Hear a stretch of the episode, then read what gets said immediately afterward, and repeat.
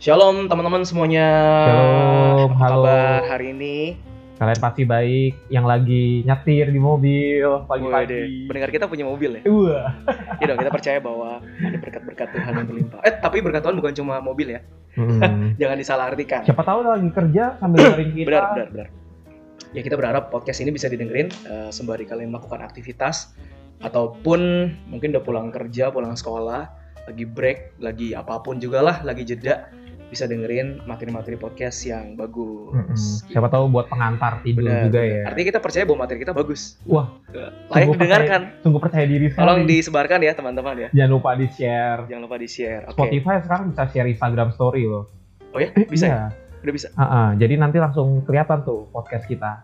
Ini kasih tahu aja nih teman-teman biar bisa nge-share. Oke, oke. Gue juga nggak tahu sih. Oke, yang penting. Ajarin gue ya, ajarin gue. Oke, hari ini kita mau bahas apa nih, Dri? Hari ini kita akan ngebahas salah satu fenomena Ya. di sosial media Mm-mm. spesifik Apa untuk orang-orang Kristen, yaitu adalah akun-akun satir di Instagram spesifiknya. Wah, oke oke. Akun satir di Instagram. Hmm, Eh, ini jadi cukup eh, topik yang cukup trending ya. Heboh sih Trending bukan di Twitter, cuma maksudnya di. kayak di mana-mana diomongin ya. Nah, Kita kalau ke Instagram ataupun kita kalau yang ngobrol-ngobrol sama teman-teman youth, teman-teman mungkin juga ngerasain nih di daerah masing-masing eh, tiba-tiba muncul banyak quotes-quotes gitu ya atau banyak Waduh. statement-statements yang keras, frontal, menegur, mengkoreksi gitu ya. Eh, atau mungkin beberapa akun-akun yang teman-teman udah kita nggak usah sebutin namanya mungkin udah tahu juga gitu ya karena Hmm. kita nggak mau sebutin namanya atau jangan-jangan teman-teman adalah followersnya tadinya mau ngomong gini, teman-teman gerejanya mungkin yang jadi sasaran. gitu. waduh waduh waduh waduh waduh itu gereja kamu apa gereja saya ya apa gereja kita berdua ya tapi anyway kita mau bahas ini karena kita lihat cukup panas eh, dengan kehadiran akun-akun satir seperti Ah, ah. ini membawa seperti biasa ya dua sisi mata uang koin ya ada Hmm. yang pro dan ada yang kontra juga Pasti ada gitu ya. perdebatan. Ah, benar-benar dan kita pengen banget eh, ngebahas ini dari sisi perspektif yang lebih kita harapkan objektif kita Ya. harapkan lebih netral ya dan kita mau bawa beberapa firman Tuhan juga sebagai landasan yang ada sebenarnya untuk bisa bantu teman-teman untuk boleh eh, punya wacana yang lebih terbuka lah dalam memandang akun-akun saat ini gitu seperti itu. Lebih bijak lah. Betul, betul, betul. Oke, mungkin kita masuk ke pertanyaan pertama aja deh. Menurut lu melihat eh, akun-akun satir yang udah ada, mulai dari definisi dulu. Menurut lu akun satir tuh opo sih? Makanan apa sih itu?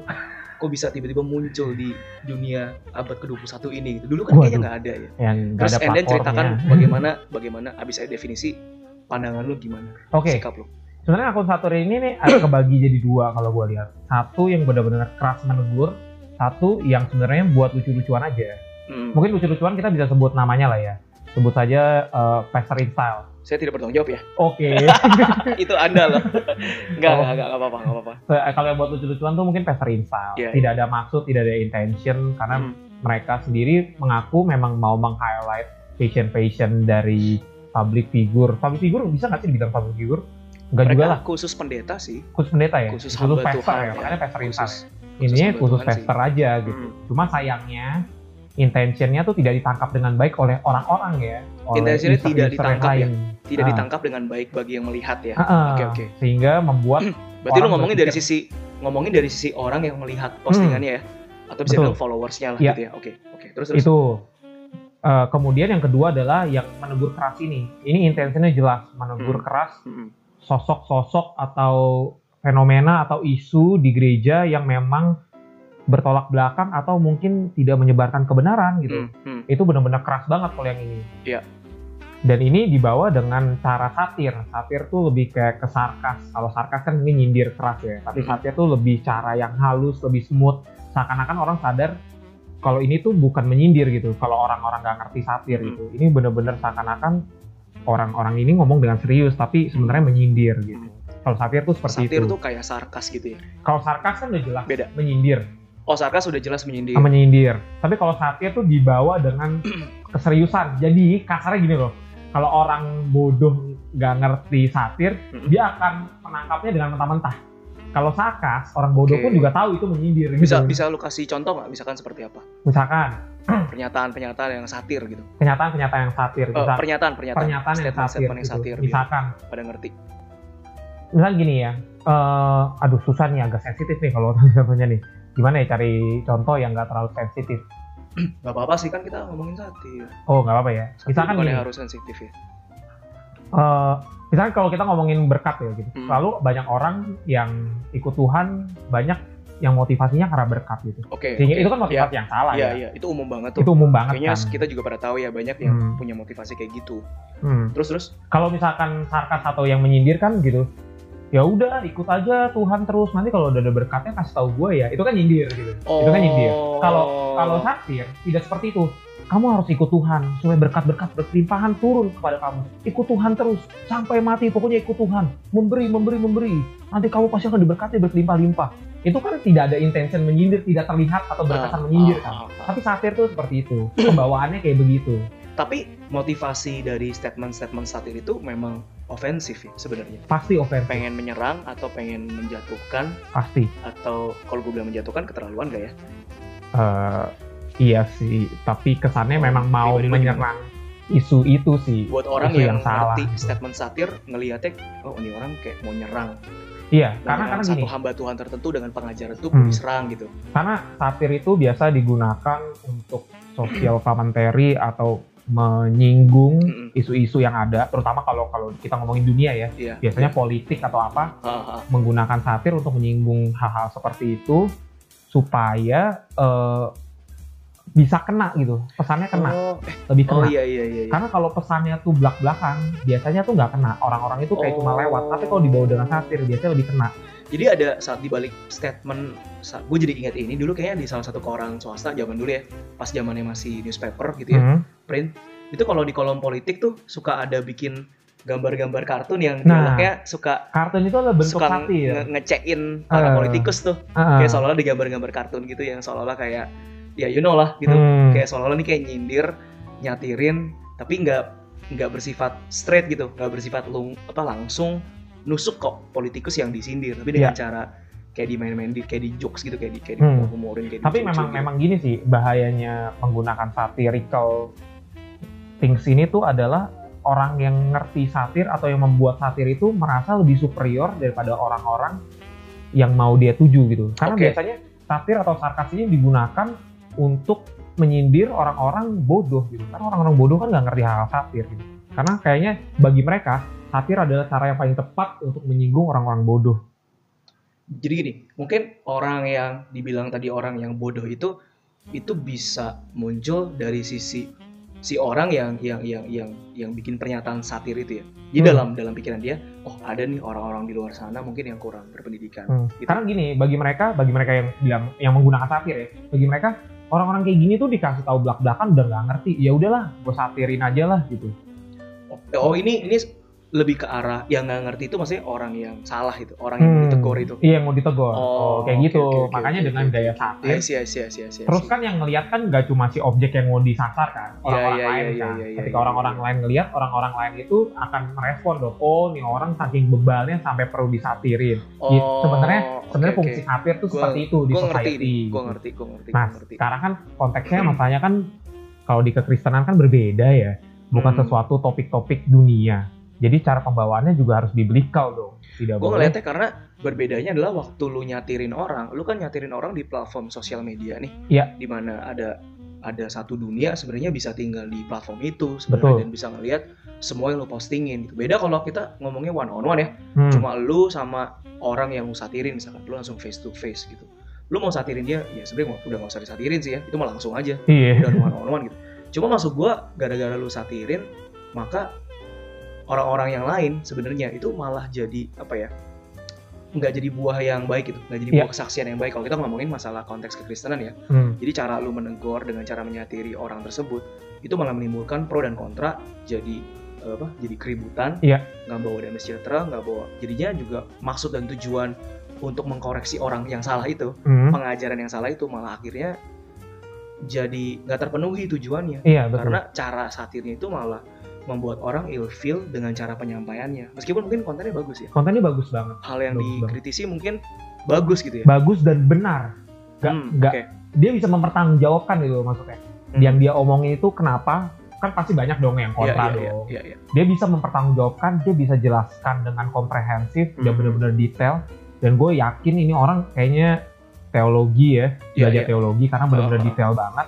tapi ya itu selalu akan ada perdebatan di kolom komentar itu sih yang jadi masalah buat gue sih ya itu itu yang menyebabkan suasana jadi ribet banget ya hmm, ribet jadi kacau banget dan uh, gimana ya lo tadi mau ngomong uh, apa FYI aja nih, gue sempat berkomentar, berkomentar sesuatu hal yang sebenarnya nggak mendukung kedua belah pihak pada okay. saat itu. Oke. Okay. Tapi itu luar biasa, kan komentar kita kan bisa di reply ya. Iya. Ya itu reply-nya luar biasa pada berantem. Reply semua. komen lu. Iya, itu pun langsung Jadi mereka juga mereka juga berantem di komen lu berarti. Iya, itu komen. Lu yang berusaha untuk lu berusaha untuk netral dan objektif aja ah, diserang juga gitu ya. Gue bener-bener nggak mengomentari salah satu sisi, gue cuma kayak bener-bener okay. kayak okay, okay. kayak komen-komen netral gitu. Kayak komen netral gitu ya. Kayak lucu-lucuan aja, yeah, netral yeah, aja. Yeah, gitu. yeah, yeah. Dan itu di, di reply orang pada berantem. Lu komen di daerah peperangan soalnya. Iya.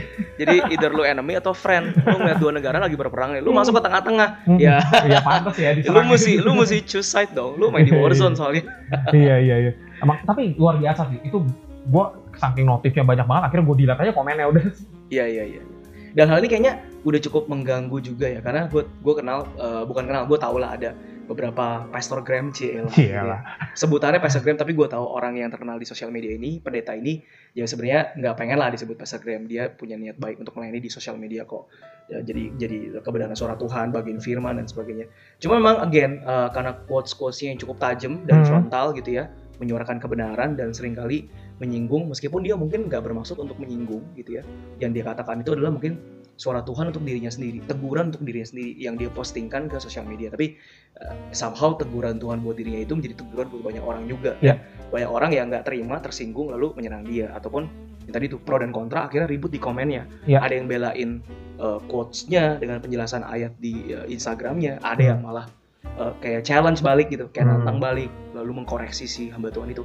Dan ujung-ujungnya gini, sekarang gue lihat uh, sebenarnya langkah yang sangat tepat banget sih langkah yang sangat bijaksana banget gitu ya dan keren sih kalau menurut gue dia berani untuk uh, matiin kolom komentarnya gitu demi supaya nggak ribut minimal mungkin ributnya di DM tapi ah, setidaknya soalnya orang kan nggak bisa lihat. ya, soalnya dia juga bilang ya intinya kan kalau lu mau ada pertanyaan atau ada pernyataan ya kan kan kita suka kasih pernyataan nih gitu ya tanpa kita berpikir pertanyaannya apa sih sebenarnya gitu. Hmm. demen aja langsung kasih pernyataan.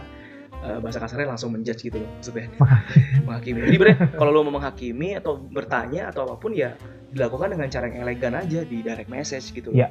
tanpa melibatkan banyak orang lain juga karena uh, udah terbukti dia pernah buka kolom komentar gitu kan karena ya dia juga nggak berpikir bakal jadi war zone begini di kolom komentarnya. Pas hmm. dibuka nggak tahu jadi war zone Betul. ribut. Dan setelah ditimang-timang hitung-hitung wah ini malah bawa banyak kerugian sih. Sebenarnya malah jadi nggak enak gitu loh. Even ada gini lo lo kalau misalkan uh, followers lo pada ribut misalkan di kolom di kolom komentar lo jadi noisy banget ya jadi yeah. berisik banget gitu kan. Ada yang pro ada yang kontra.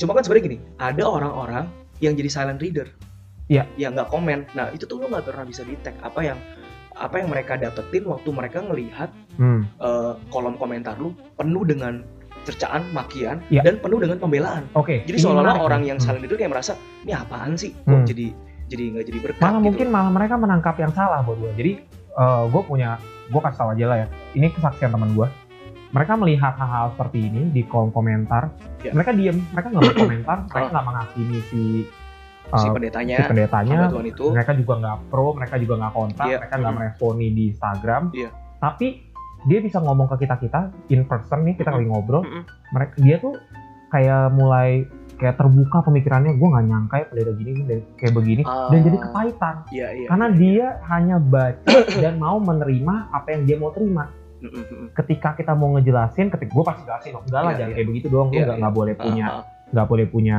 apa sih istilahnya menangkap hal-hal yang kayak begini dengan yeah, cara yeah. seperti ini nggak baik lah. Right, gue yeah. kasih penjelasan. Mm -hmm. tapi susah karena dia udah terjangkit atau ter apa sih terkena pemahaman-pemahaman yang hmm, salah menurut gua. Akhirnya dia kepahitan. Itu bahaya juga sih bisa bikin orang jadi kepahitan sih. Soalnya mungkin kalau gue pribadi gue juga sebenarnya salah leader. Jadi kalau gue baca-baca gitu gue silent. Gue nggak pernah komen apa segala macam. Kenapa? Nggak tahu ya apakah ini uh, mewakili teman-teman yang silent reader juga yang silent komen jadi nggak komen gitu ya kalau gue ngerasa gini ini kan udah pada ribut ya. Biasanya kan udah, gitu? ya, udah pada ribut kan ya. Pro kontra pro kontra terus kadang-kadang tuh sakit gitu. Maksudnya kita kita bacanya aja.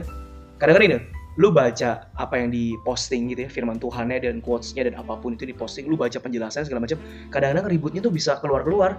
Hmm, nggak nggak pada konteksnya konteks, gitu dan sebagainya terus karena udah kepanjangan nih ributnya ya lu kayak mau balikin lagi itu susah. Karena sosial media kan. Uh, itu kan gak ada tombol on off ya. Jadi semua orang bisa ngomong gitu. Jadi uh. kayak nambah lagi nambah lagi. Udah udah ribuan komen gitu udah ratusan ribuan. Jadi kayaknya gue mau nambahin aja juga udah malas gitu loh. Udah udah gue baca aja lah kayak gimana. Nah lama kelamaan lama kelamaan lihat sekali dua kali tiga kali empat kali ribut ribut ribut ribut.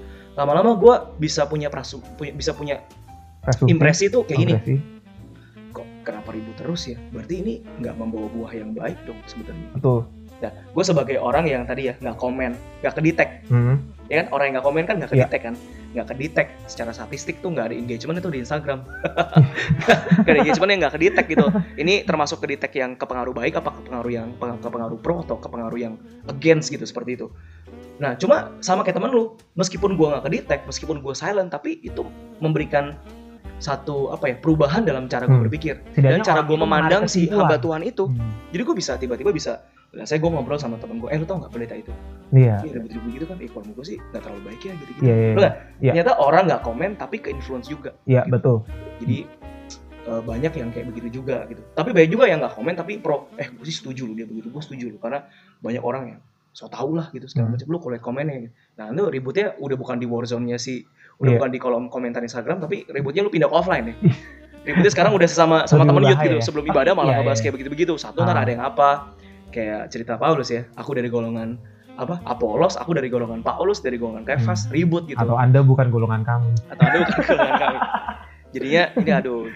Makanya sebenarnya balik lagi ke tadi gue mengagumi salah satu tindakan berani yang dilakukan oleh si hamba Tuhan ini. Dia bilang uh, dengan tegas kalau ada pernyataan atau pertanyaan silakan DM dan dia beberapa tuh matiin ngelok dia punya komentar apa kolom komentarnya gitu jadi orang nggak bisa komen nggak bisa ngapa-ngapain which is ya memang tujuan awalnya kan kalau lu memang nggak ngerti atau lu nggak setuju ya. silakan menyampaikan langsung betul langsung kepada orangnya gitu kan toh tujuannya kan pengen dapatkan yang bener hmm. ya udah yang bener kan orang yang ngomong tuh langsung aja sama dia urusannya hmm. nggak usah bawa-bawa netizen sejagat raya gitu loh maksudnya yeah. jadi ntar malah bikin jadi uh, tambah kacau keadaan. Emang emang sulit sorry ya, memang dilematis juga yeah. karena dalam bersosial media ini netizen kita, terutama orang-orang Indonesia, tingkat literasinya kan masih rendah ya. Literasi, oke. Okay. Iya, tingkat literasinya masih rendah. Jadi menangkap suatu pernyataan itu bener-bener nggak diproses dulu gitu loh secara hmm. logika. Yeah, yeah. Jadi mulai langsung komentar, mulai langsung menyatakan hal yang tidak sesuai konteks dan yeah, mereka yeah. merasa berlindung yeah, yeah. di akun sosial media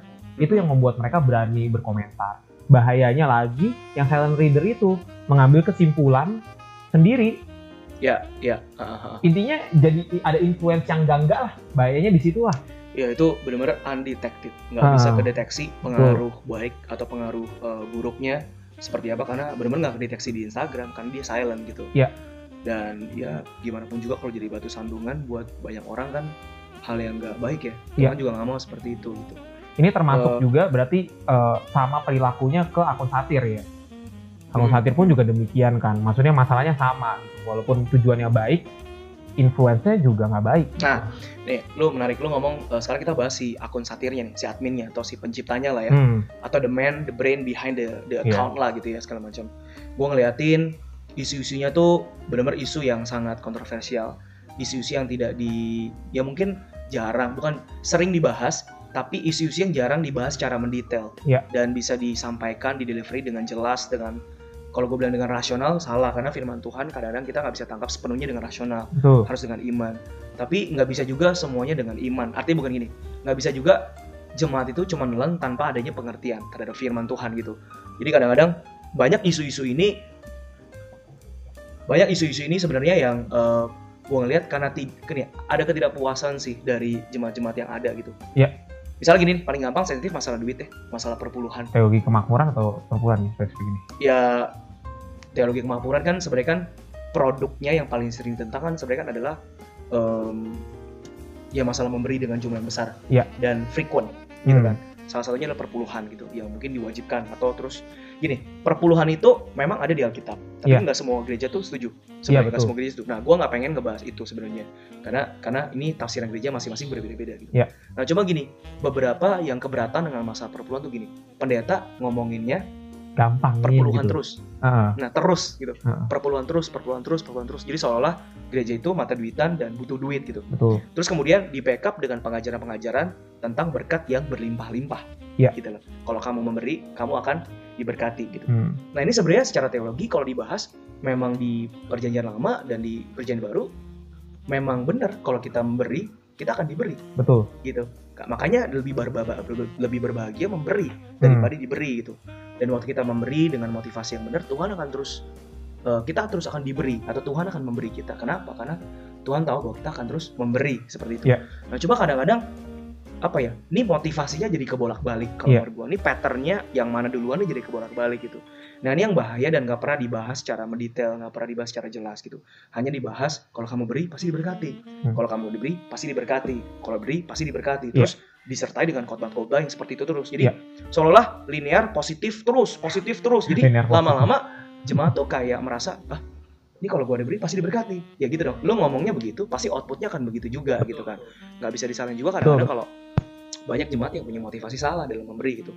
Nah sekarang giliran anak-anak muda nih anak-anak milenial yang memang idealis nggak suka gitu dengan keadaan yang seperti itu nah mereka merasa nggak puas gitu apa-apa nih gitu kok pengajarannya berat sebelah seolah-olah gitu sehingga muncullah ketidakpuasan ini Ya. lalu mulai menyinggung masalah-masalah ini dengan cara-cara yang satir iya Ya. beri aja terus beri terus supaya lu bisa diberi kan makin lama makin kaya jadi seolah-olah kayak Iya, iya. wah ini kok malah jadi kebablasan seperti itu gitu firman Tuhan yang harusnya benar dan bisa diajarkan dengan benar tapi sekarang karena tidak ada penjelasan yang bisa sampai nih ke generasi yang lebih muda khususnya ya sehingga menimbulkan ketidakpuasan gitu Iya. nah karena ketidakpuasan inilah dan mungkin beberapa merasa seperti ditipu ya Iya. boleh gue bilang gitu nggak dari Benar-benar. satirnya yang benar-benar Hmm. serius satir dan kadang-kadang memang keras banget di akun itu gue gue melihat kayaknya ada motivasi either dia kepahitan atau ada motivasi bahwa ini eh, pendeta atau hamba Tuhan ini menipu banget sehingga dia begitu apa ya begitu sungguh-sungguh dan serius gitu loh untuk bisa menyerang beberapa hamba Tuhan tersebut dan pengajaran-pengajarannya yang salah gitu loh. Karena kalau lu merasa lu nggak ditipu banget lu merasa lu nggak dibohongi banget lu akan santai. Iya benar. gitu ya biasa aja nggak signifikan buat gue tapi kalau lu merasa lu ditipu banget atau pengajaran firman Tuhan yang sangat ditwisted banget lu merasa kayak ini ber, ini beban banget nih gue bener-bener gak bisa terima gitu loh. Jadi akhirnya gue memberanikan diri gue untuk bikin akun-akun seperti itu gitu loh. Dengan tujuan jelas memang untuk menyerang dengan cara yang satir seperti itu gitu itu sih gue ngeliat motivasi di balik eh, motivasi di balik orang-orang yang membuatlah seperti itu gitu. Nah gue sangat menyayangkan sih. Tapi kan ini per- eh, menurut gue ya teman-teman ya Hmm. gue nggak tahu gue nggak kenal juga siapa adminnya. Tapi teman-teman kok bisa lihat sendiri dari statement-statement satirnya dari gambar-gambarnya lelucuan-lelucuannya itu. Itu not funny sih kalau menurut gue nggak lucu gitu. Itu malah jadinya malah menjatuhkan banget gitu maksudnya. Ya. dan gue melihat ini kok jadinya bukan dibawa ke arah lucu-lelucuan tapi kayaknya didasari dengan itu tadi dengan masalah yang serius juga gitu kayaknya nih kepahitan Ya. kayak ini memang agak gimana gitu ya walaupun apa ya dia juga cukup menjelaskan dengan sangat jelas gitu kenapa Mhm. dia menyerang Iya. sosok pastor ini, pastor Mhm. itu, ajaran ini, ajaran itu. Memang benar gitu, memang ajaran itu memang meleset dari kebenaran. Mm-mm. Terkadang kalau gue lihat, kalau gue kritisi ya ada benernya juga. Bukan Lu- ada benernya, lu- bahkan lu jadi berpikir kan? gue jadi berpikir. lu jadi berpikir kan waktu Berpikir. dia mulai eh, bikin Hmm. statement-statement dan penjelasan yang Hmm, gitu, apalagi penjelasannya juga lengkap, detail, Hmm. gitu. Gak bisa main-main nih. Gue rasa nggak semua orang bisa bikin penjelasan seperti ini. iya iya C- Nggak cuma asal kepahitan dan benci gitu. Mm. Bener-bener rasional banget gitu penjelasannya. Tapi sekali lagi sih, gue selalu berpikir nggak semua orang tuh cara menangkapnya kayak gue.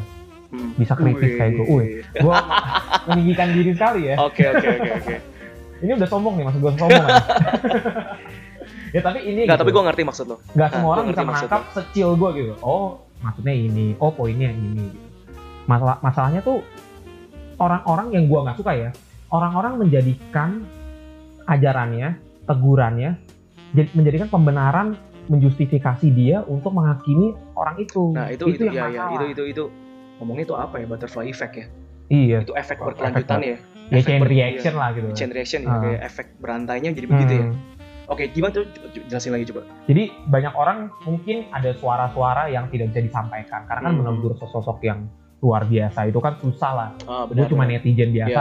Kayak Ah. ibarat gue negur seseorang pendeta besar, mana mungkin suara gue didengerin. ah Tapi iya. begitu ada suara orang, satu orang yang negur dan dia punya exposure besar, dan suara gue tuh disuarakan sama dia, Mm-mm. gue pasti akan mulai berkomentar, iya gue juga begini nih, gue juga ngerasa begini. Iya. Jadi justifikasi, emang nih orang bla bla bla bla bla gitu, nggak bener apa segala macam, karena dijustifikasi gitu. Ajar. Jadi bukan dari, Oh, oke oke. Gua- bentar, bentar, bentar. Jadi bukan dari gue, eh, kayak gue tuh kayak nggak bisa ngebales statement pendeta ini, tapi yang yang punya balasannya tuh akun satir ini. Terus gue kayak me- me- mendukung akun satir ini gitu, jadi Hmm, membenarkan lewat akun satir ini, tapi bukan dari gua. Gua nggak ngerti sama sekali, cuma ada Oh. kebenaran aja Lu gitu. kayak memakai akun satir menjadi menjadi sebuah justifikasi Iya. atas ketidaksetujuan lu atau ketidaksukaan lu akan pendeta tertentu, Betul. akan pengajar tertentu. Itu yang gua nggak suka Mm-mm. sebenarnya. Gua nggak setuju banget. Maksudnya kalau pada dasarnya memang lu nggak setuju dengan ajarannya, harusnya lu memang nggak setuju aja gitu. Maksudnya ya udah gitu. Mungkin kita nggak cocok. Jangan dicerca, dimaki-maki, jadi jadi pakai-pakai ayat firman Tuhan untuk membenarkan menghakimi orang lain gitu. Hmm. Ya udah, santai aja. Iya iya iya. maksud gue gue tuh walaupun walaupun dia nggak benar ajarannya gue tetap menghormati dia sebagai hamba Tuhan gitu Hmm. Ya, sebenarnya menarik sih yang lo bilang tadi uh, mengenai masalah efek chain reactionnya orang memakai akun satir dan segala penjelasannya menjadi sebuah justifikasi, jadi sebuah justifikasi terhadap ketidaksukaan dia terhadap pengajaran atau pendeta tertentu. Nah, gue ngelihatnya lebih ke arah gini sih. Itu sebenarnya waktu orang memakai akun satir menjadi justifikasi, kadang-kadang dia bisa bikin akun yang baru, dia bisa bikin akun yang lain, atau mungkin nggak pakai akun lain ya, dia pakai akun pribadi dia gitu. oh itu udah banyak sih Jadi seolah-olah ini kebenaran yang gue mau uh, ungkapkan di sosial media gue pribadi ini di Instagram mau di story atau mau di feed isinya firman Tuhan tapi isu-isu yang sama tuh kayak akun satir itu. Itu terjadi kontroversial. Jadi seolah-olah kalau akun satir bisa kayak begini menjadi sebuah inspirasi Iya. buat gue wah ini keren banget. Ada akun yang seolah-olah bisa menyuarakan kebenaran tanpa kompromi gitu kan. Iya. kayaknya bener banget kayaknya sangat wah ini teladan buat gue lalu itu diduplikasi gitu ke Iya. akun pribadi masing-masing ke banyak anak muda. Sehingga orang-orang ini jadi tiba-tiba jadi berani gitu. Tiba-tiba Hmm. jadi ngomong semua speak up di sosial media. Cuma masalah gini. Masalahnya kalau kita lihat akun satir itu ya seperti yang bilang tadi itu dia nyampein sesuatu dengan cara yang satir tapi dia kasih penjelasannya cukup lengkap. Iya. Kompre- komprehensif gitu. Komprehensif. Gue curiga itu pasti ada mungkin dia pelayan Tuhan kali ya pekerja Tuhan atau sih udah nggak mungkin itu yang mungkin udah udah jauh. Nah coba gini maksud gue dia bisa nyatirin tapi dia bisa kasih penjelasan komprehensif yang lengkap gitu. Iya. nah gue takutnya pada saat anak-anak muda ini yang terinspirasi dengan idealisme akun satir tersebut apa ya kayaknya jagoan gitu. Gue mau ngomongin kebenaran nih. Kayak Yesus gitu nggak kompromi. Hmm. Yesus aja ditinggalin oleh banyak orang kan. Dia menyuarakan kebenaran gitu kan. Aku juga mau nih. Ini akun satir ini baru nih. Gejolak kaula Nggak- muda. nggak- ya kayaknya ada ada semangat spirit itu gitu loh. Iya iya akhirnya didu- didu- didu- diduplikasi kan ke akun pribadi masing-masing. Diomongin nah cuma masalahnya semangatnya dapet semangatnya dapet passion dapet cuma pengalaman sama pengetahuan firman Tuhan nggak dapet. Iya jadi betul. ujung-ujungnya ini malah jadi sebuah judgement judgement judgement kecil-kecil di masing-masing akun sosial media bertumbuh dan menjamur ke mana-mana gitu Iya. jadi seolah kok anak muda sekarang gampang banget untuk speak up dan ngomong ngomong mengkritisi iya dan sebagainya sesuatu gitu ya. tanpa ada dasar yang kuat. Bener tanpa dasar yang kuat tanpa pengalaman pengetahuan cuma dan ikut sebagainya. ikutan. Gak gampang loh untuk bisa Hmm. kritik orang. Betul betul. Apalagi kita ngomong firman Tuhan tuh gak gampang Iya. gitu. Jadi seolah-olah jadi kayak gampang banget di jempol ngetik-ngetik gitu ya ya Hmm. mulutnya udah pindah ke jempol gitu maksudnya Iya. mulut kan gampang untuk ngomong ya Hmm. sekarang jempol gampang juga untuk ngomong ini perpanjangan Berarti- tangan dari mulut juga berarti kita bisa bilang semua kata lidah di Alkitab kita ganti jadi jempol jempol eh, benar banget kalau di usia digital kayak gini yang semuanya udah di fingertips di ujung jari ya itu bisa dibilang mulutnya udah pindah ke jempol Iya. apa yang ada di ketikan tuh adalah omongan mulut kan sebenarnya kan yang tidak disampaikan oleh mulut disampaikan oleh jempol lewat sosial media gitu gak ada beda dengan kata-kata di mulut nah gue ngeliatnya karena ada efek penduplikasian penduplikasian yang mini mini kecil-kecil kayak gini eh, ini membuat suasana jadi tambah riuh gitu. Iya tambah jadi tambah tambah complicated sih dan sebagainya jadi fenomena. Dan sekarang malah dianggap hype. Oke. dianggap kayak keren gitu loh untuk Oke. bisa kayak begitu. Nah berikutnya gue mau sampai sekarang gue mau ngebahas dari pandangan gue sih mengenai jadi gini gue gue percaya bahwa di Alkitab juga sebenarnya banyak nih yang kayak Hmm. begini. Oh gue mau disclaimer nih. Tadi si eh, tim kita udah ingetin dari awal mesti ada disclaimer kata si Albert gue mau disclaimer teman-teman Iya, kita iya, nggak kita nggak promosiin ya Ya. akun satir ini kita tidak kita tidak eh, promosiin artinya kita nggak menyuruh teman-teman untuk lihat bahkan untuk follow Ya. permanently gitu iya. ya Hmm. secara tetap follow update eh, akun-akunnya dia dan sebagainya Yeah. Dulu dulu gue follow dia karena gue penasaran pengen tahu seperti apa. Kalau enggak gue nggak bisa buat materi kayak gini. Tapi sebenarnya gue udah follow dia jauh sebelum gue kepikiran pengen bikin materi kayak gini. Setelah lihat setelah gue follow dia gue baru tahu oh ternyata ini hype banget ya kayak gitu. Yeah. Tapi setelah gue berjalan waktu gue jadi berpikir wah justru karena orang-orang kayak gue yang kasih makan ke akun itu. Simply kan lu bikin akun Instagram kalau follower lu nol ya udah kan gak ada yang denger kan. Yeah. Justru karena banyak followernya jadi seolah-olah memberikan makan gitu, memberikan semangat dan energi buat orang itu untuk terus membuat postingan konten-konten tersebut. Which is yang kalau menurut gue membawa lebih banyak kerugian ya. Akhirnya gue putusin untuk gue unfollow gitu. Ya. udah cuk udah cuk tahu lah. Udah cuk tahu udah cukup tahu kayak begitu. Arahnya ke mana motivasinya seperti apa personally ya menurut gue ya. Jangan di generasi kalau teman-teman punya pikiran berbeda silakan. Tapi ya. silakan deh monggo dicek aja dulu seperti apa gitu. Gue perlu disclaimer nggak nih? Nggak perlu ya. Lo mau disclaimer? Oke okay, gue disclaimer. Gue masih bukan mendukung apa sih gue masih menyumbang lah. Masih? Masih menyumbang ya? jadi berarti gue masih menyumbang dong. Oke berarti berhasil atau tidaknya podcast ini setelah ini Andri harus unfollow. Waduh, waduh. gue masih menyumbang tapi gue menganggap diri gue agen aja lah. Apa tuh agen? Agen, tuh sih gitu gue mantau aja. Iya, masalahnya itu admin nggak tahu lu cuma mantau. Iya, itu admin dapat semangat waktu lu dia bertambah followersnya cuma dia akan terus creating konten cuma satu. Saudara uh, kekuatan dari konten creator adalah followers. Iya. Itulah kekuatannya. Iya iya. Tapi tapi gue menarik sih. Maksudnya gue setiap gue follow beberapa satirical point uh. of view-nya dia, gue selalu dapat berbanyak perspektif baru yang gue belajar juga. Ya, gitu. Jadi gue walaupun gue memang gue mengakui deh gue mengaku gue menyumbang hal-hal yang salah itu tapi dari situ gue belajar banyak juga gitu yeah, ya yeah. mungkin nanti tunggu sampai gue udah level dia lah baru gue follow waduh oke okay, kalau saya pribadi ayo teman-teman di unfollow aja Oke. okay. Anyway, gue mau bahas, gue mau bahas secara firman Tuhan sedikit ya. Oke, okay, kita tentang bahas. masalah tentang masalah akun satir ini. Nah, sebenarnya uh, kontennya oke, okay, isu yang dibahas juga oke. Okay. Dia berusaha mau menjelaskan dengan lebih teologis, ya. ya. Kayaknya kata kuncinya lebih teologis, karena banyak pengajaran-pengajaran tentang perpuluhan, berkat berlimpah-limpah, apalagi banyak lah ya, banyak, banyak hal uh, tentang naik turun surga, gitu iman gitu ya, juga, perjamuan kudus yang menyembuhkan hmm. dan sebagainya, iman juga yang dipakai untuk barang-barang hmm. daripada untuk jiwa-jiwa mungkin dan sebagainya.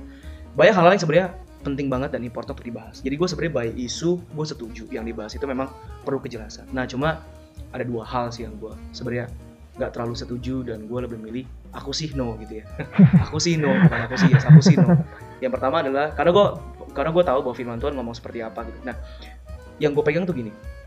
Ingat gak di 1 Korintus 8 1 Korintus 8 tuh ayat ke-13 tuh Paulus tuh ngomong sama jemaat di Korintus kan. Dia bilang gini, "Karena itu apabila makanan menjadi batu sandungan bagi saudaraku, aku untuk selama-lamanya lagi tidak akan mau makan daging lagi." supaya aku jangan menjadi batu sandungan bagi saudaraku. Nah, di sini tuh konteksnya Paulus bilang, dalam Yesus itu semua tuh boleh. Iya. Dalam Yesus itu semua tuh dihalalkan karena Yesus lama berkuasa gitu. Tidak ada yang haram, tidak ada hari baik, hari buruk nggak ada. In Christ dalam Kristus Yesus semua tuh boleh kan dia Tuhan di atas segala Tuhan. Ya. Tapi Paulus bilang nggak semua orang imannya kayak kamu. Ya. Nggak semua orang imannya sekuat kamu. Pengalaman-pengalaman akan Tuhannya sekuat kamu selama kamu. Itu baik lagi tergantung kasih karunia Allah kepada tiap-tiap orang yang berbeda-beda. Ya. Gitu. Nah kamu, kalau kamu merasa itu nggak apa-apa, itu iman kamu dan itu benar, itu memang nggak apa-apa secara konten. Cuma masalah yang Paulus sorotin di ayat 13 adalah gimana kalau orang ngelihat kamu, orang yang lemah imannya ngelihat kamu makan makanan berhala tersebut. Nah sekarang kontennya adalah waktu lu memberitakan sebuah kebenaran yang keras, yang frontal gitu. Tapi at the expense menjadi pertukarannya gini, lu menyampaikan sebuah kebenaran tapi itu menjadi batu sandungan buat ya. Orang lain. Di ayat 9-nya sih paling jelas hmm. sih.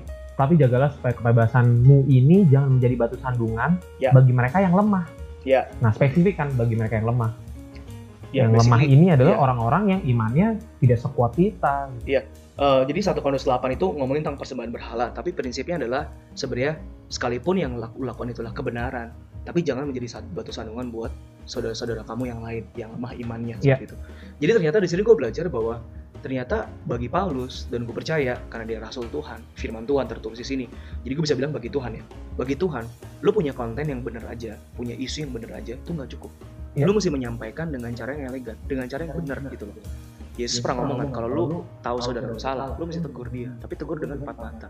Ya. Tegur dengan kalau misalkan dia masih nggak percaya bawa temannya gitu. Hmm. Itu ada gradasi, ada bukan, ada tingkatan di situ gitu loh.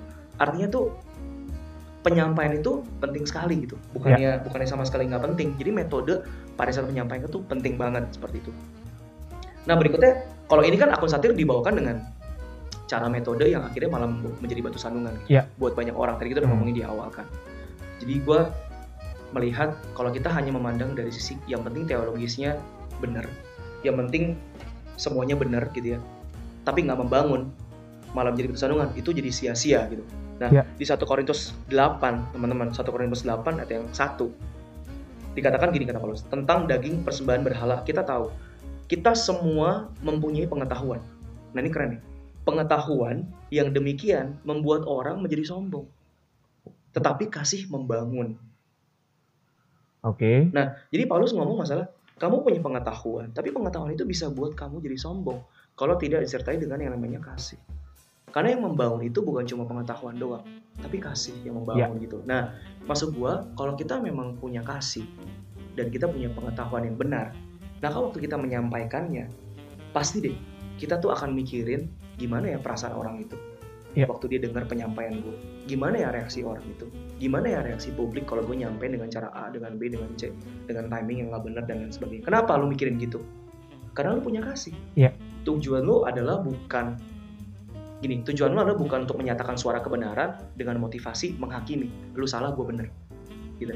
Jadi kalau misalkan tujuan lu adalah menghakimi kamu salah dan aku benar maka yang aku perhatikan hanyalah kontenku. Yang penting kontenku benar oke okay, aku aku akan ngomong. Nggak peduli kamu gimana. Tapi kalau ada kasih yang lu yang lu pikirin tuh bukan cuma konten lu benar gitu. tapi orangnya yang menerima juga lu pikirkan juga gitu. Yeah. apakah membangun nggak kepada orang yang mendengar pada orang yang melihat lu gitu? Sama kayak tadi makan daging berhala dilihat orang yang lemah imannya. Itu membangun gak sih? Nah Paulus mengambil kesimpulan simpel aja. Makan daging berhala nggak apa-apa tapi kalau jadi batu sandungan Paulus berkata kan untuk selama lamanya lagi mendingan lu sama makan. Itu keren banget sih. Jadi hmm. untuk demi supaya orang demi kita nggak nggak jadi batu sandungan buat saudara seiman kita yang lemah imannya dia rela untuk nggak makan daging itu lagi. Sekalipun makan daging itu bukan dosa Iya betul betul. Jadi lihat bagaimana Paulus sangat menyoroti aspek bagaimana lu bisa jadi menyampaikan suatu kepada kepada teman-teman lu. Gimana ya. lu nggak jadi batu sandungan buat dia gitu. Even Paulus ngomong di 1 Korintus 8 ini kalau teman baca di perikopnya, lu bahkan jadi batu sandungan buat saudara-saudara lu yang lemah imannya. Di mana terhadap saudara lu yang lemah imannya itu Kristus mati buat dia. Dan dia bisa jadi batu, dia bisa dia bisa jadi jatuh karena lu lakukan satu hal. Dan lu ya. membatalkan salib Kristus buat dia kalau dia murtad gara-gara apa yang lu lakukan gitu yeah. basically karena imannya lemah dia Paulus ngomong ya mendingan lu jangan makan daging lagi untuk selama-lamanya mendingan aku nggak makan jadi implikasinya korelasinya adalah punya pengetahuan aja tuh nggak cukup ya. harus yeah. didasari dengan kasih, kasih. dalam teori komunikasi kan kalau gue ngeliatnya kemarin uh, dari khotbah kemarin ya ada tiga hal yang penting ada messengernya ada message-nya ada oh. methodnya jadi dalam komunikasi menyampaikan sesuatu messenger ngomongin diri kita pribadi gitu di satu Korintus nih gue ada ini ini keren banget sebenarnya gue dapat ayatnya di satu Korintus 2 ayat yang ke-14. Di 1 Korintus 2 ayat yang ke-14 gitu. Ini kan dikatakan tetapi manusia duniawi tidak menerima apa yang berasal dari roh Allah karena hal itu baginya adalah suatu kebodohan dan ia nggak dapat memahaminya sebab hal itu hanya dapat dinilai secara rohani. Nah, ini garis bawahi kata-kata manusia duniawi gitu. Yeah. Manusia duniawi. Jadi yang pertama adalah messenger, orang yang menyampaikan pesannya. Pastikan waktu lu punya kebenaran itu, dan lu mau menyampaikan pasti kan hidup lu tuh beres di hadapan Tuhan ya jadi lu yang yang yang menjadi manusia dalam hidup lu adalah manusia duniawi atau manusia rohani nah ya. manusia rohani itu jelas punya buah roh tuh roh yang kudus yang tinggal dalam hidupnya dia artinya motivasi kita ngomongin manusia dunia rohani itu motivasinya tujuannya apa tadi kita ngomongin banyak tentang masalah kasih jadi make sure kalau kita manusia duniawi jatuhnya ntar malah penghakiman, bukan belas kasihan. Ya, betul. Tapi kalau kita manusia rohani, kita mau ngomong dasarnya adalah karena kasih. Penghakiman tuh kamu salah, gue bener. Tapi kalau kasih tuh gini, gue tahu gue bener, lu salah dalam hati, ya. Tapi gue pengen lu jadi bener. Dan gue menghormati lu. Ya. Gue menghargai lu, gue appreciate lu. Bahkan gue melihat lu bukan seolah-olah lu bodoh banget sih, enggak. Ya. Gue melihatnya bahwa, eh kita sama-sama maju yuk. Gue pengen kasih yang benar nih. Jadi ada motivasi mau membangun bukan menjatuhkan gitu loh. Nah itu silahkan ukur dalam hati masing-masing karena kita semua bisa ngerasain. Ya. waktu kita kasih pendapat atau mau menegur atau menasihati kapan momen-momen di mana kita memberikan itu atas rasa kebencian? Ya. atas rasa nggak puas atas rasa kesel atau atas rasa kita memang sayang? Tapi gue percaya sih. kasih gitu loh. Kalau memang kita menegur dari kasih gue percaya sih semuanya pasti akan dilancarkan sih pasti Roh Kudus akan bimbing sih. Itu yang gue Hmm. percaya selama ini. Eh, pasti ketika kita menegur dengan kasih, kasih kan sesuatu hal yang susah ya sebenarnya kalau dibuat untuk menegur ya. Karena kan menegur itu pasti kita tuh berada di posisi yang lebih tinggi dan Mm-mm. kita mau turun ke bawah Mm-mm. untuk bisa ngajak dia, yuk, gue mengasihi lu nih, yuk Hmm. kita sama-sama Hmm. mengerti gitu, Hmm. sama-sama mengerti. Itu sulit banget gitu. Kayaknya bener-bener perlu yang namanya Roh Kudus untuk bimbing kita. Karena kalau nggak ada Roh Kudus yang bimbing kita, ya seperti yang di ayat ini bilang, manusia duniawi, Iya. tujuannya salah, motivasinya salah, drivennya juga salah. Gitu. Gue percaya kalau misalnya kita dasarkan dengan manusia rohani yang adalah kasih, nanti cara kita ngomong, nada suara kita, timing kita, kita tuh pasti akan pikirin. Again yang Iya. gue bilang tadi, kelemahan akun satir lah dia nggak mikirin. Iya betul. Dia nggak mikirin orang yang dikritik, dia nggak nggak usah dipikirin itu bukan tujuan mereka. Makanya balik lagi, tujuan mereka dari awal memang pengen, gue takutnya pengen ngejatuhin. Gitu. Dan dan gue berpikir ya, kalaupun memang tujuannya dengan kasih dan mau mengubah si Mm-mm. sesosok pastor-pastor itu, let's say kita ambil case, oke berubah, dia mengakui, dia menerima dan dia berubah. Apakah selesai? Enggak, enggak selesai. Orang-orang yang tadi yang imannya lemah itu Mm-mm. motivasinya nggak sama kayak si akun satir ini. Betul. Motivasinya memang mau menjatuhkan aja. Jadi Betul. ketika dia berubah, kalau namanya udah benci, udah pahit, Iya. pasti akan tetap dicerca terus, dicari-cari Jadi kayak ditunggangin ya. Iya, Ini mumpung ada yang hate speech nih, mumpung Mm-mm. ada yang lagi nggak seneng nih, ya gue komen-komen gue tambah-tambahin. Iya. Emang, emang gue juga nggak suka juga gitu. haters gonna hate intinya itu. Iya gitu. Jadi wah ini jadi malah tambah ribet ribet banget gitu. Iya, jadi reward. Jadi balik lagi kalau kasih, kalau kita menyampaikan dengan kasih teman-teman, maka kita pasti akan pikirin bagaimana perasaan orang itu pada saat terima teguran kita atau nasihat kita. Kita pasti akan pikirin waktu kita nyampein pendapat kita atau kebenaran yang kita tahu dari kita. Kita pasti mikirin gimana cara nyampeinnya, kata-katanya. Kita pasti pikirin karena kita nggak mau jadi batu sandungan buat yang lain. Akun satir itu kan jago ya. Iya. Penjelasannya juga komprehensif ya kalau dilihat ya. Gue sih percayanya dia sebenarnya bisa untuk you know untuk bisa mengkoreksi pengajaran yang salah gitu ya dengan cara mengajarkan yang benar, Oh iya. right? Lu mau Dibanding- koreksi oh, pengajaran bener, yang bener, salah, silakan Bener. ajarkan dengan cara yang benar gitu. Iya. Nggak perlu disatirin. Iya, dibanding mengkoreksi si sosok itu, figur itu, mendingan lu ngajarin yang benar aja. Gitu. Benar gitu. Dengan demikian caranya kan lebih elegan dan Betul, betul.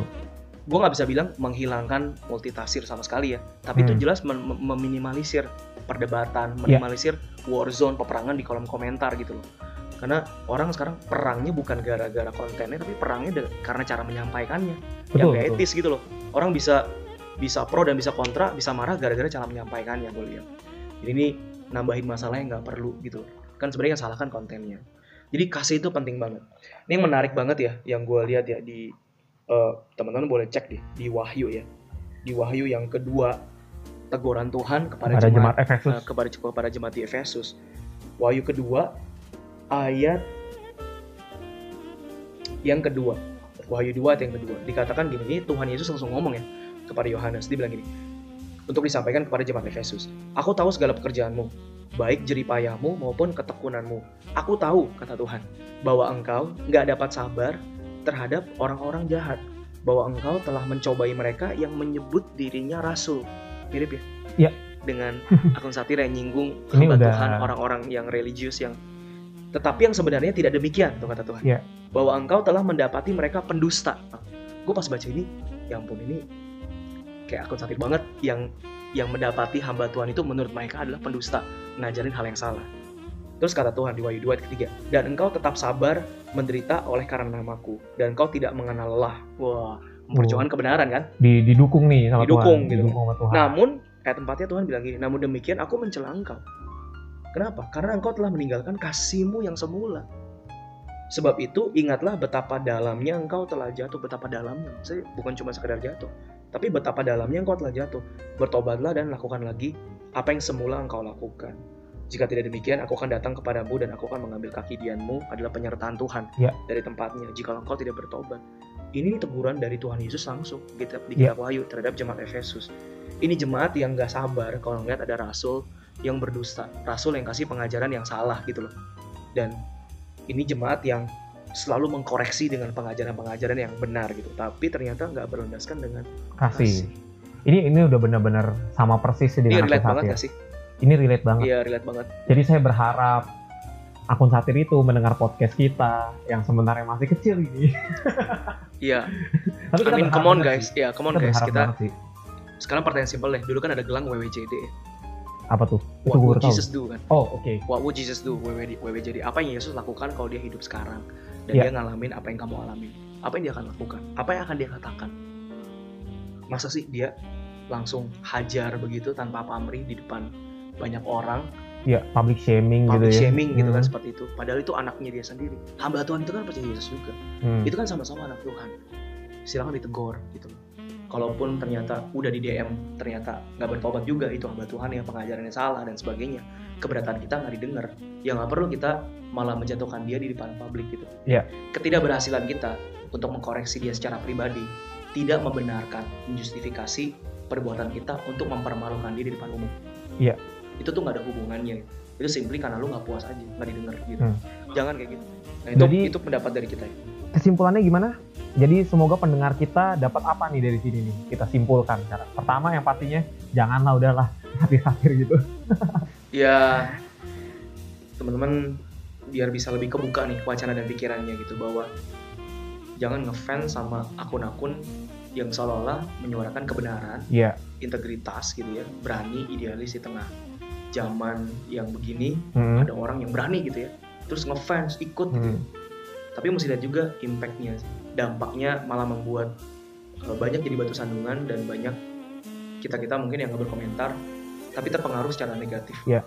Secara kalau, buruk gitu. hmm, kalau gue sih pribadi uh, sebelum kalian memutuskan untuk ngefans dan menyetujui beberapa pandangan-pandangan mereka coba mungkin bisa menengok isi hati kalian sih ya. Maksudnya kalian tuh dengar itu, baca itu, mendukung itu tuh motivasinya apa sih? Apakah kalian cuma atas dasar itu emang yang kalian setuju aja gitu? Itu emang yang kalian pengen denger aja sih? Itu emang yang kalian karena kan manusia tendensi kalau lebih tahu jadi bergerak lebih superior ya, lebih pengen Mm-mm. apa sih menggurui orang lain gitu yang nggak tahu. Yeah. Jadi apakah akan dasar hati seperti itu bukan kasih yang benar-benar pengen orang yang jadi objek teguran itu berubah atau cuma pengen meninggikan diri aja, menggurui mereka aja gitu. Yeah, jadi yeah. punya punya hati seperti itu sih.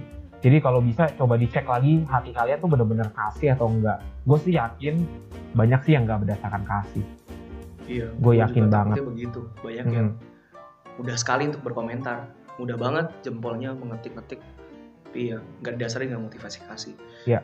Personal take outnya tuh pesan yang bisa diambil secara pribadi adalah mungkin teman-teman satu mungkin kalau bisa jangan mau follow lagi gitu uh, supaya nggak nggak memberikan makanan dan energi kepada akun-akun tersebut gitu karena yang mereka butuhkan adalah followers tapi yang kedua secara personally gue teman-teman juga kalau misalkan memberikan advice ya nasihat yeah. atau teman-teman merasa ada yang salah dari teman gue atau dari pemimpin gue ya atau jadi dari ketua komsel gue atau dari siapa pun lah yang teman-teman pengen memberikan nasihat ingat nasihatnya harus berdasarkan dengan kasih, kasih. gitu tujuannya untuk membangun bukan untuk menjatuhkan dan perhatiin banget cara kita membawakannya hmm. perhatiin kalau kita ada di sepatunya dia sebagai dia yeah. dengar nasihat nasihat yang ada seperti apa nanti perasaannya gitu hmm. kita mesti bisa jaga sih yeah. uh, jangan sampai jadi batu sandungan gitu ayat utamanya tadi itu ya 1 Korintus 8 ayat ke-13 gitu bagaimana Paulus memperhatikan sekali supaya dia jangan jadi batu sandungan buat saudara-saudaranya yang seiman tapi imannya nggak sekuat dia gitu. yeah. jangan sampai pengorbanan Kristus bisa jadi sia-sia. Ya. Dan saudara kita jadi murtad karena apa yang kita lakukan gitu tidak menjadi teladan, bikin mereka malah jadi kepahitan. Gitu. So itu mungkin dari gue. Oke, itu aja. Sudah merangkum semua. Sudah cukup lama, udah 51 hmm. menit. Luar biasa. Ini. Yes, datarnya awalnya 30 menit tapi udah 51 menit. Anyway, uh, seru banget hari ini perbincangannya. Mudah-mudahan bisa dimengerti. Semoga teman-teman yang dengar ini juga bijak-bijak menerima ini ya pesan kita ya. Ya. Jadi juga jangan kita jangan di best juga lah, di counter lah gitu. Kita kan juga maksudnya penuh dengan kasih juga kan mau mau buat ini, mau ngasih tahu ke kebenaran menurut kita betul, gitu. Betul. Jadi kalau memang teman-teman mungkin ada yang ngerasa masih mendukung akun satir ya tolong dengan kasih juga menegur kita. Jangan di kolom komentar kami berbahaya, menimbulkan keributan. Ya, ya. Oke, oke, oke. Oke deh, paling gitu aja. Thank you and see you next episode. God ya. bless you all. God bless you. Dadah.